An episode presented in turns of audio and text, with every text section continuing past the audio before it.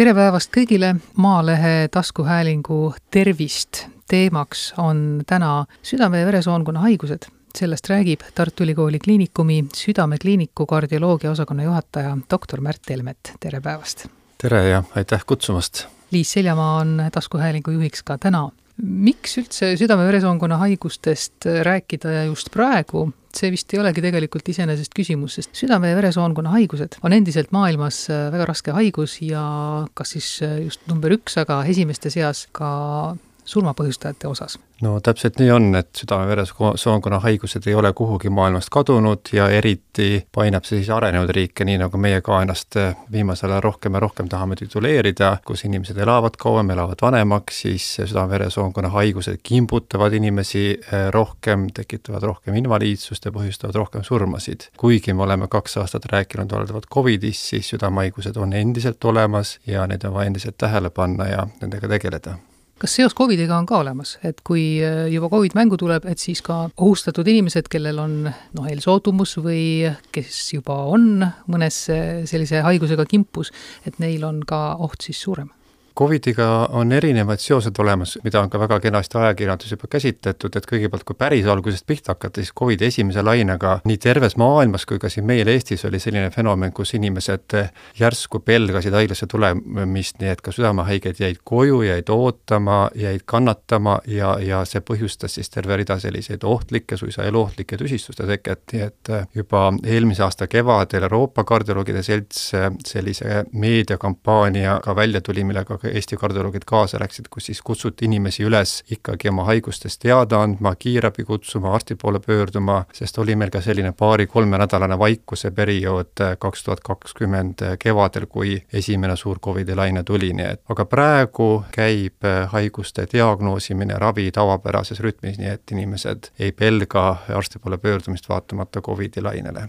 Oli siin kevadel juttu ka just nimelt haigestumise laineharjal sellest, et ka haiglad, polikliinikud ei saa kõiki patsiente vastu võtta lihtsalt, et kuidas teil kliinikus oli sellega lood? Aga see probleem kestab praeguseni, nii et kõigi Covidi lainetega seoses meiega südamearstid, meie õed, oleme haaratud ka Covidi patsientide käsitlusse, nii et hetkel on meil südameosakonnas üks kolmandik kohtadest on endiselt suletud ja selle võrra me saame vähem tööd teha, lisaks sellele, et personal füüsiliselt ei saa viibida oma põhitöö juures kogu aeg, nii et on piiratud võimalused, üritame ära teha erakorralised tegevused, kuid jõudu ja ressurssi on kindlasti vähem. ja see võib tähendada ka seda, et mõni patsient võib jääda ka diagnoos diagnoosimata? teoreetiliselt võib kõike seda ette tulla, aga me väga hoolega neid järjekordi eh, jälgime, et erakorralise abi me alati ikkagi üritame esmajoones osutada, pigem on, mis lükkub edasi, on sellised plaanilised haiged, mida saab edasi lükata. aga noh, see, et otsused ei ole alati väga lihtsad, ei ole mustvalged, aga ma väga loodan, et keegi, kes abi vajab, ikkagi abita ei jää kas selle paari aasta jooksul on täheldatud ka haigestumise tõusu, kui nii lühikese aja järel üldse saab mingit sellist eh, järeldust teha? Mul ei ole korrektset statistikat selles osas öelda, et oli küll Euroopas ja arenenud riikides täheldati selle esimesel lainel, kui inimesed ei pöördunud. see põhjustas see, et näiteks infarktihaige, kes vajab kohe kiirest vältimatut abi, ta ei pöördunud ja see põhjustas nende kodus tüsistuste teket, isegi suremuse tõusu. ma ei tea, kas Eesti kohta meil on numbreid kokku võetud, aga pigem jah, võib-olla need kroonilised südamehaiged, kes haigestuvad ka Covidisse ja praegu meil Covidi statistikasse lähevad, et paljud need Covidisse surnud inimesed on ka krooniliste raske raskete südamehaigustega patsiendid, nii et äh, statistika jah, käsitleb neid Covidi patsientidena. aga tõenäoliselt ei saa küll öelda, et nende haigestunute hulk vähenenud oleks? kindlasti mitte, haigeid on väga palju, tööd on väga palju, nii et tööpuuduse üle arstid ja, ja südamearstid ei kurda kas peamiselt, kui te juba jutu alguses ütlesite ka, et rohked äh, südame-veresoonkonna haigused on äh, arenenud riikide peamine mure, et arenguriikides seda ei ole, ühest küljest inimesed ei ela nii kaua, aga teisest küljest võib-olla ka nende eluviisid ei ole sellised, mis neid võiks põhjustada, et kui palju haigustest erinevatest on põhjustatud äh, inimese enda eluviisidest? No väga paljud, et see, et kardiovaskulaarsed haigused on suremuse põhjus number üks, on äh, suurel määral ikkagi seotud kõige teada-tuntud riskiteguritega ja inimese eluviisidega. Ja ega ei ole siin jalgratast leiutatud, et kõik needsamad vanad vähene liikumine, toitumine, suitsetamine, mõnikord ka liigne alkohol, need on need, mis inimest aja jooksul, pikkade aastate, aastakümnete jooksul viivad südame-veresoonte kahjustuseni ja siis juba selliste fataalsete tüsistuste nagu südameinfarkt, aju ajuinsult tekkimiseni. et siin on väga palju asju, mida inimene juba niimoodi noorest alates peab silmas pidama, oma käitumises, elustiilis muutma ja sellega saab oma tervist väga palju parandada, et selle tõttu on ta seotud ikkagi heaoluühiskonnaga, et inimesed elavad kauem, kõik on lihtsalt kättesaadav, nad ei ole nii looduslähedased ja võib-olla teistpidi fenomeni me näeme, et kui on, ühiskond on arenenud ja inimesed õpivad oma tervist väärtustama, siis ka see tervisekäitumus aja jooksul muutub ja, ja kardiovaskulaarsete haiguste risk hakkab langema. noh, nagu näiteks Põhjamaadest on hea näide, on Norra, Taani, kus on seda tööd aastakümneid tehtud ja nemad on väga ilusat veresoonkonna haiguste vähenemise riski suutnud demonstreerida see ristlikud eluviisid on lai teema ja kui inimesele niisama lihtsalt öelda, et ela tervislikult, liigu rohkem, äh, söö tervislikult, seda jääb natuke väheks, et seda õiget nuppu, mille kaudu äh, inimeseni jõuda, suhelda, mis paneks teda selle peale mõtlema, et seda ei ole üldse mitte kerge leida, et Eestis tegelikult on ju ka seda tööd tehtud, on kardioloogid erinevaid kampaaniaid, üritusi korraldanud, Tervise Arengu Instituut on väga aktiivne, aga kui minna sellise keskmise Eesti inimese peale, kas või siinsamas tänaval küsida, mida ta teab sellest, mida ta on lugenud, et teadmised on tegelikult väga kaootilised ja napid ja, ja pigem võib-olla loetakse sellist natukene sensatsioonimaigulisemat meediat ja üritatakse sealt selliseid tervisenõuandeid noppida kui sellist teaduslikke fakte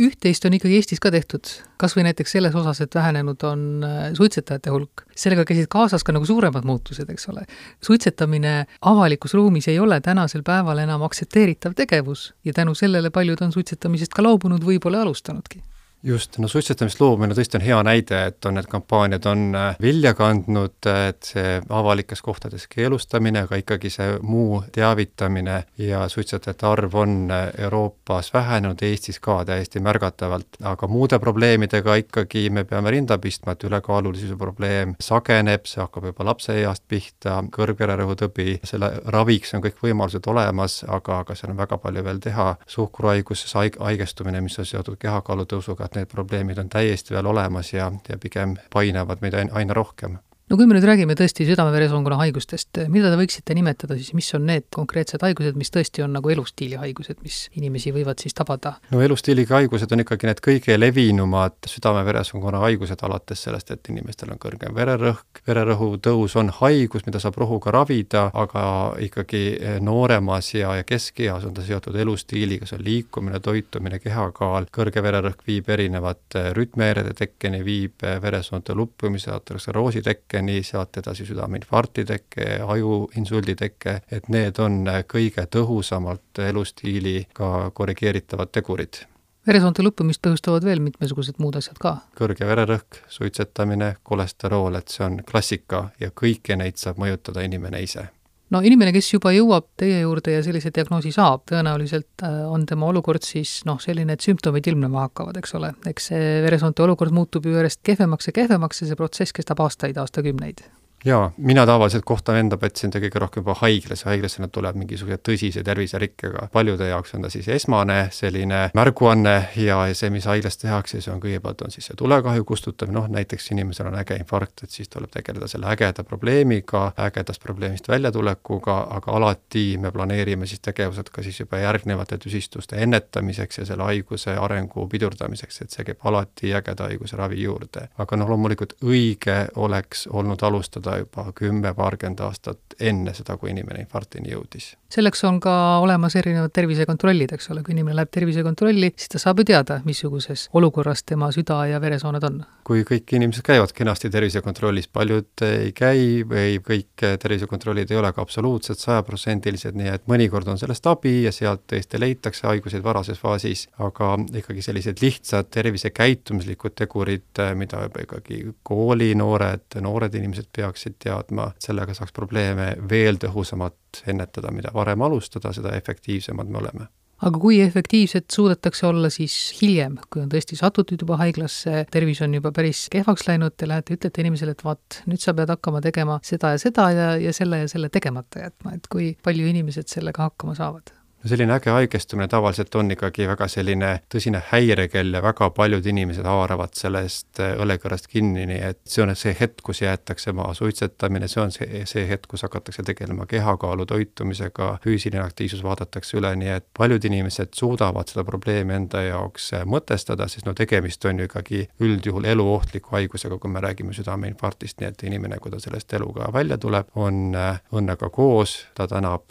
nii ennast, arste kui seda kõige kõrgemat ja paljud on nõus oma käitumist korrigeerima, aga kahjuks mitte kõik ega nende puhul muidugi midagi ei aita ka, ei saa ära keelata inimesele ühte või teist tegevust, kui talle see meeldib, kui ta seda tahab teha, hoolimata tervisest. jaa, absoluutselt ja siin me jõuame väga sellise huvitava teemani, et kui inimene ei taha teha seda, mida talle soovitatakse, et noh, nagu Covidi situatsioonis me oleme ka hästi palju näinud ja diskuteeritakse avalikus meedias, ei taha vaktsineerida, ei taha tunnistada Covidit, et kas inimesel on õigus seda teha. loomulikult on õigus, kui me oleme talle pakkunud, selgitanud, inimene saab teha oma otsused millega muidugi kaasneb terve rida selliseid muid aspekte, et ta endiselt vajab arstiabi, ta endiselt käib arsti juures, tarbib ravimeid, raviteenuseid, keegi maksab selle eest, sellest eest maksab võib-olla see inimene, kes on tervise osa korrektne ja, ja see on ühiskonnal on, tekib siis teatud ootused, miks me kulutame tervishoiurahasid inimesele, kes ise ei ole paranemisest huvitatud aga kui inimene võtab tõesti ennast käsile, suudab hakkama saada, loobub halbadest harjumustest, võtab üle head harjumused,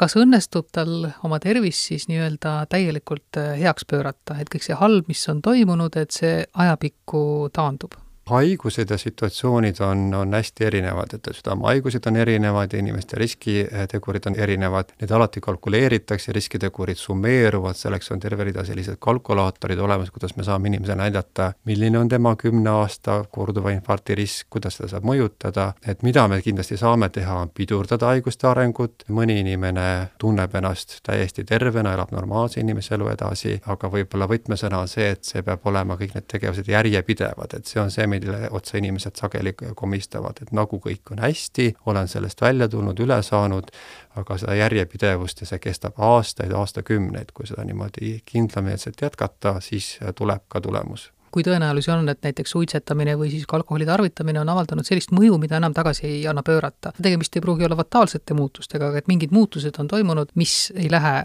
enam iseenesest nii-öelda nagu korda kindlasti niimoodi ongi, et veresoone luppimine on ju puhtalt niimoodi mehaaniliselt vaadeldav protsess, kui veresoon on juba muutunud, seal on lubjanaastud tekkinud seina, need ei kao sealt enam kuhugi. nii et need riskitegurid, mis seal on sinna tekitanud, see lubi jääb sinna alles, veresoon jääb kahjustatuks, jäigaks, kitsaks, nii et äh, parim, mida me saame teha, on see, et haigus edasi aren-, areneks. ja suitsetamisest tingitud kahju ka tõesti veresoontele, kui suitsetamine lõpetada, siis mõne aastaga täiendavat suitsetamisest tingitud äh, riske tavaliselt enam ei lisandu mis on aga sellised haigused või terviseseisundid, mis võivad mõjutada ka näiteks südametervist, noh, mõtle mingisugused muud erinevad põletikud näiteks kusagil mujal või, või midagi taolist? jaa, no kui põletikest rääkida, siis südames ka, südamelihases võib ka põletik olla, mis on ka nüüd Covidi kontekstis üles tõstetud teema, selline haigus nagu südamelihase põletik või müokardiit, mida võib põhjustada nii Covid ise, no tegelikult kõik viirused, et me näeme, et ka igasugused talvised viirusinfektsioonid, inimesel on griip,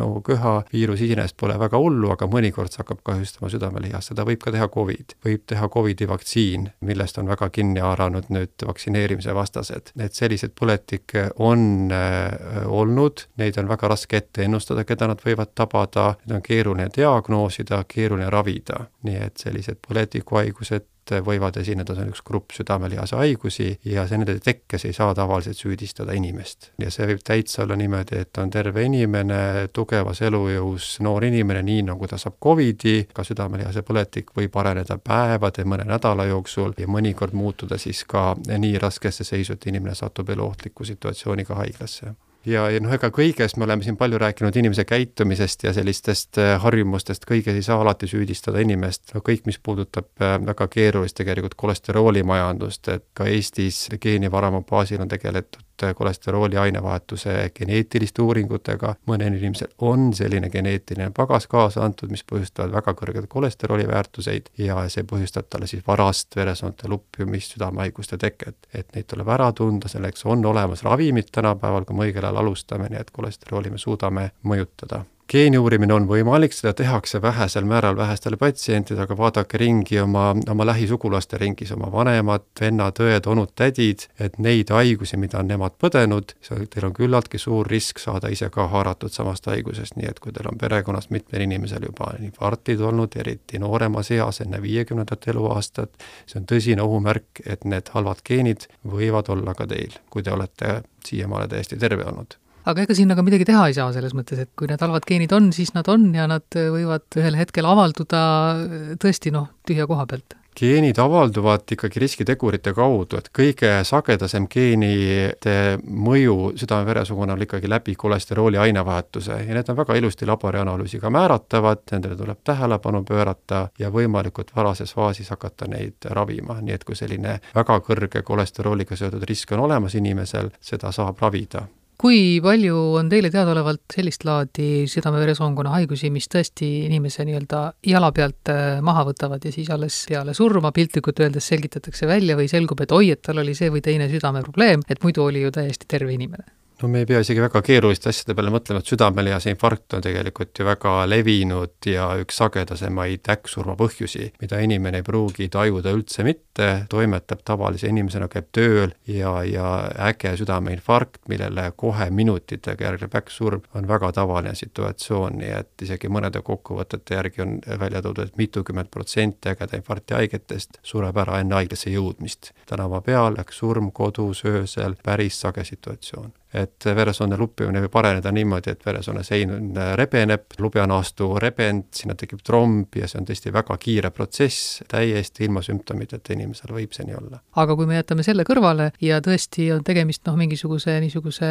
veaga, mis on tekkinud inimesest sõltumata, jaa, ja igasuguseid haiguseid on olemas, et kui nüüd geneetikast rääkida haigustest, mis põhjustavad sellist kiiret haigestumist ja, või, või siis säkksurma, siis on erinevat tüüpi rütmihäired olemas, et inimesel on, süda töötab ju elektriimpulssidega, tekivad õiges kohas, peavad levima õiges suunas, õige kiirusega ja kui inimesel on mingisugused geneetilised eripärad, need ioonkanalid, kus elekter tekib, levib, ei pruugi olla nii, nagu tavaliselt tehtud ja need inimesed on ohustatud äkksurmast, et tihtipeale saab tavalise elektrokardiogrammiga, EKG-ga need probleemid probleeme tuvastada, aga mõnikord ka mitte, et sellised väkksurm on ju sportlaste hulgas ka selline levinud kõneaine, et tuleb neid patsiente või sportlasi skriinida, et eriti füüsilise koormuse käigus võivad tekkida neil eluohtlikud rütmihäired aga sportlasi tõenäoliselt, tippsportlasi ikkagi ka nagu skriinitakse või uuritakse? Jaa, skriinitakse, et hästi palju, millest maailmas räägitakse, on noorsportlaste skriinimine, kuna nad ei ole veel tippu jõudnud, et millises vanuses peaks neid hakkama äh, südame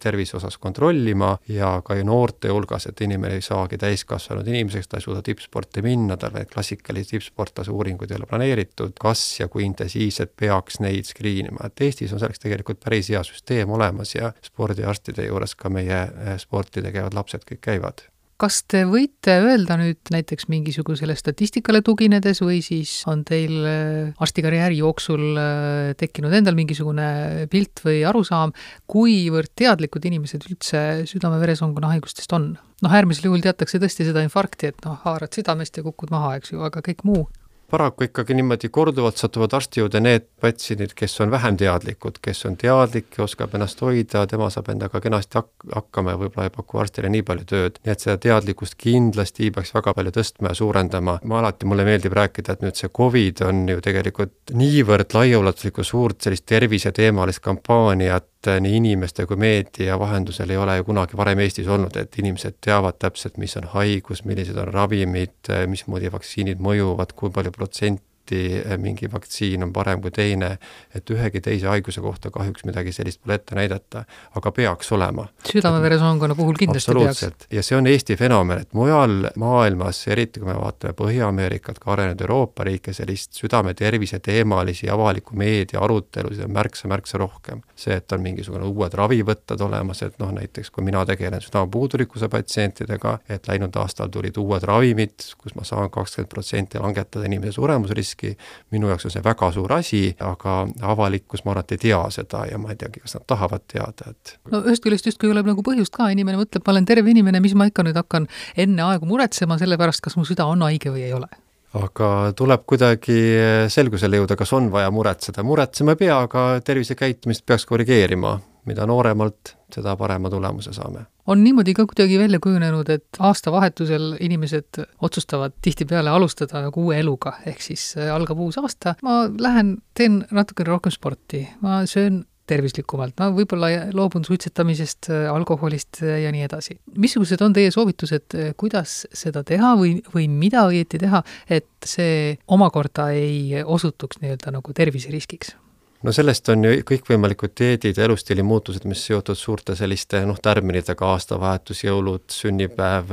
mida iganes, et äh, seda võib niimoodi teha, mõnikord see töötab, aga üldreegel on see, et ikkagi tuleks leida järjepidevus, ei pea planeerima suuri muutusi, noh, kui me räägime näiteks füüsilise koormuse suurendamisest või sellisest aktiivsest eluviisist, no toitumine on klassika, millest räägitakse, dieedisoovitusi ei pea igast äh, päevalehest leiab jälle, et on leiutatud mingisugune uus võte, et mõõdukad muutused, järjepidevus ja järjekindlus, et mitte niimoodi ühe tähtpäeva puhul teha suuri kannapöördeid elus, sest see võib anda korraks efekti, aga tihtipeale kipub see olema ajutine ja tekitama pärast tagasilöögi. No muidugi ei maksa kohe ka nii-öelda nullist maratoni jooksma minna, see on äh, südamele kindlasti väga suur koormus, teine asi, ma arvan, et ega ei jõuta sinna maratoni lõppu ka ilma treenimata ilmselt jaa, ja, ja ma ei ütlegi, et maraton mingi tervislik asi on.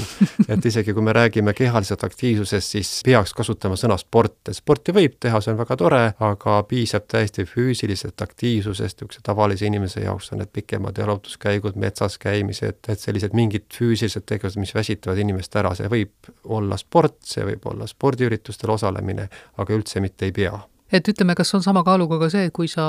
noh, jalutad näiteks tund aega metsas või noh, teed sellise mõõduka tempoga kõnni või siis ajad pulsi natukene kõrgemaks ja teed seda näiteks pool tundi jaa, no selliseid seoseid on tõesti toodud, et kui on treening on intensiivsem, siis see piisab nagu lühemast perioodist, aga mina isiklikult väga usun sellistesse pigem rahulikumasse temposse ja treeningu kestusesse, et ka sellised tervisesoovitused loevad minuteid, et nädalane koormus minutite number peaks vähemalt sada viiskümmend minutit olema, kaks pool tundi, et, et siis mõjub see tervisele soodsalt et võib ka rohkem olla, aga sa, sada viiskümmend minutit on see alumine piir. aga ütleme siis, et kui alguses ei jõua rohkem kõndida kui võib-olla kilomeeter, et siis kõnnidki alguses kilomeetri, aga tuleb aeg, kui jõuad kõndida juba poolteist ja kaks ja nii edasi, et järjekindlus absoluutselt, ja endale seatud eesmärgid ja, ja füüsiline tegevus peabki ära väsitama, see on normaalne, et mäest üles minnes tekib kerge hingeldus, tekib väsimus, nahk läheb natuke märjaks ja kõik käib asja juurde. ja kui inimene ise tajub, et ta päev-päevalt suudab aina rohkem ja rohkem teha,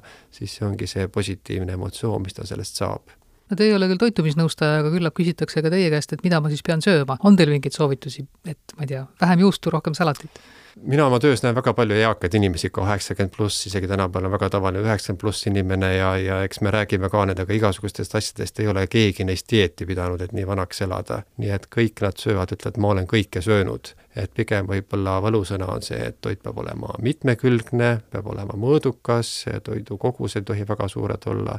ja noh, tänapäeval ikkagi mille otsa väga kerge komistada on need kõikvõimalikud valmistoidud. Ja seda on nii lihtne poest osta, see on nii kättesaadav meile, aga tõesti need erinevad, soolasisaldus on seal suur eh, ja kõikvõimalike selliste halbade rasvade, lipoproteiinide, transrasvade sisaldus võib olla salakaval aja jooksul kuhjuda, nii et ikkagi tavalist looduslikku, võimalikult kodus valmistatud toitu ja ma arvan, et ei pea väga suuri eh, selekteerimisega valimisi tegema selle hulgas. See on üks hea asi muidugi, et kui mingi asi on väga suur probleem, siis püütakse sellele ka järjest paremaid lahendusi leida. selle kõrval, mida inimene ise ära saab teha, areneb ka meditsiin, kuidasmoodi neid haigeks äh, jäänud südameid, kahjustatud veresooni ja kõike muud äh, ravida, et selles osas toimub areng kogu aeg jaa, absoluutselt. ravivõtted on nagu väga erinevad, et ühed ongi suunatud sellesama, selle luppimise protsessi pidurdamisele, noh, mõnikord mingil määral me saame ka seda tagasi pöörata, aga kui inimesel juba veresooned on aenenud, et siis haiglas ju tehakse nendega veresoone laiendamise protseduuri, niimoodi veresoone kaudu, kateetri kaudu, endiselt opereeritakse luppinud, kinni läinud veresooni, südameklappidega saab teha protseduure nii veresoonte kaudu, kateetriga me vahetame neid, kirurgid opereerivad, väga kiiresti areneb eri erinevate rütmihäirete ravi, needsamad elektriimpulsid, mis ma rääkisin, kui nad tekivad vales kohas, liiguvad valet teed pidi, neid saab kõrvetada sellise ablatsiooniprotseduuri teel, nii et eh, kardioloogia areneb väga kiiresti ja, ja erinevate haiguste ravivõimalused on, on olemas ja, ja väga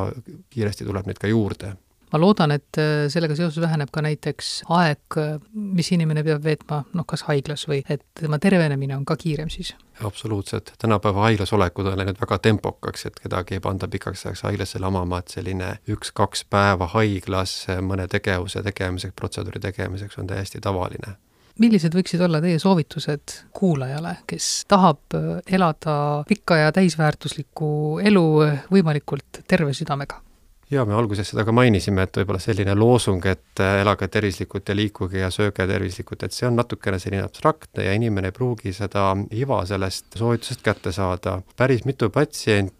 mul on olnud ja ma ka eile lappasin üle, et meil on tegelikult väga sellised ilusad, illustratiivsed, lihtsalt kirjutatud tervisekäitumise juhendid Tervise Arengu Instituudi kodulehel nii toitumise, kehalise koormuse kohta, et kui kehaline koormus võib olla selline paremini mõõdetav, siis toitumine on see teema, mida me oma patsientidega sageli diskuteerime, nad ütlevad, et ma söön nii vähe, ma söön nii tervislikult, aga hakata üksipulgi võtma kõik, kuidas need toidukorrad välja näevad päeva jooksul, kui suured on kogused, mida need sisaldavad, siis Tervise Arengu Instituudi kodulehel on ka tõesti niimoodi iga toiduaine kohta välja toodud, mis on hea, kui palju tohib ja inimene võib-olla leiab sealt need oma toitumise nõrgad kohad äh, üles, nii et äh, natukene võtke aega, uurige neid asju, kindlasti peab nende asjadega tegelema enne südamehaiguste teket, nii et ärge oodake ära, et nüüd olete haige, siis alles alustate. ka noor, terve inimene peaks tervislikult toituma ja võib-olla selliseid nädalalehtede sabas avaldatud dieedisoovitusi, neid võib lugeda, aga need on ikkagi rohkem meelelahutuseks mõeldud, et neid ei pea kramplikult hakkama jälgima